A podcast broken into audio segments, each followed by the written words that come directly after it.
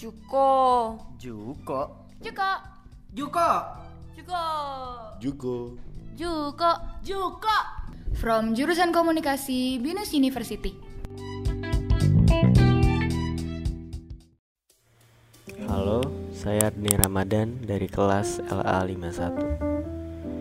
Dalam kesempatan kali ini, saya akan membahas buku karya dari Lori Gottlieb yang mengungkap pengalaman Lori sang penulis sebagai seorang terapis yang harus menangani masalah orang lain. Namun, Lori sendiri memiliki beberapa alasan yang membuatnya harus pergi ke terapis. Dalam Facebooknya, dia mengungkapkan bahwa seorang terapis juga memiliki kemampuan untuk menemui terapis lain untuk mendapatkan layanan berkonsultasi uh, pada umumnya. Mengambil contoh dari kehidupan kita sehari-hari, di mana keluhan seorang teman yang sebenarnya hanya masalah sepele rutin kita dengar setiap kali kita nongkrong atau bertemu. Bayangkan apabila hal tersebut adalah pekerjaan sehari-hari. Yap, hal tersebut merupakan kegiatan sehari-hari dari seorang terapis. Lori mengatakan seorang terapis harus bisa memisahkan masalah dan bias pribadinya saat sedang melayani seorang pasien.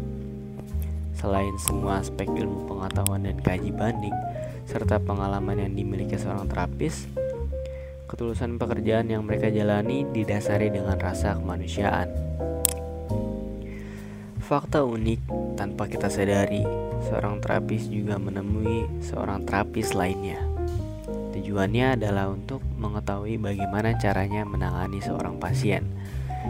Namun, seorang terapis juga manusia biasa, di mana masalah pribadinya juga menjadi alasan untuk menemui seorang terapis. Terapis harus memiliki fokus untuk mendengarkan cerita dari pasien tanpa memberikan asumsi atau membuat isu personal yang mempengaruhi cerita dari pasien tersebut. Namun beragam manusia beragam pula sifatnya. Beberapa pasien lain lebih nyaman untuk memiliki keterbukaan dengan menerima asumsi langsung dari sang terapis. Semua hal tersebut adalah untuk membuat ikatan kepercayaan agar semua masalah bisa diatasi atau setidaknya memunculkan pundi-pundi solusi. Seorang terapis dan pasiennya tidak selalu memiliki keinginan yang sama. Wilfred Bion mengatakan, sebagai seorang terapis menangani pasien harus dengan ikatan yang kosong, eh, harus dengan ingatan yang kosong. Hal ini agar pandangan seorang terapis tidak terlalu subjektif. Mengambil contoh dari pengalaman pribadi, saat sedang berbincang dengan seorang teman dan bercerita tentang mobil impian, kedua pikiran saling bertabrakan ketika membahas konsep mobil ternyaman yang masih sedap dipandang. Keinginan yang berbeda menimbulkan perselisihan setelah menemui ujung yang saling menjelekkan pendapat satu sama lain. Nah, menghindari hal ini, konsep jadilah gelas kosong saat mendengar orang lain bercerita harus diterapkan apalagi untuk profesi sebagai seorang terapis. Sebagai manusia biasa, kita pasti pernah mengalami sakit.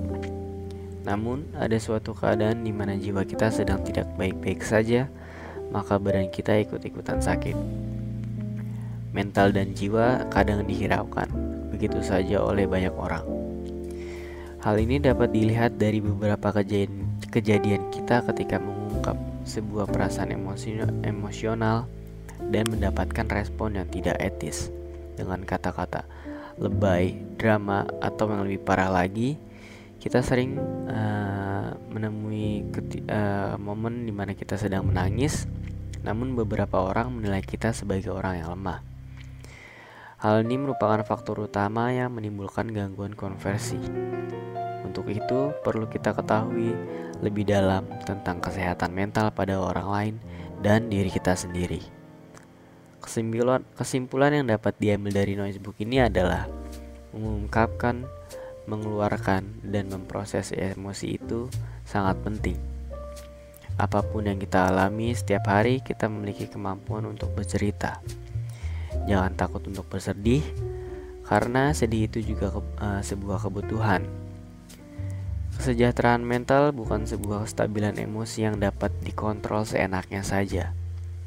Kesejahteraan mental adalah kita yang mampu mengungkap emosi dengan nyaman serta hak untuk mendapatkan respon yang tepat. Hal ini bukan semata-mata egoisme seseorang, namun eh, hal ini juga mencakup kemanusiaan yang sebenarnya. Sekian dari saya, kurang lebihnya mohon maaf. Terima kasih.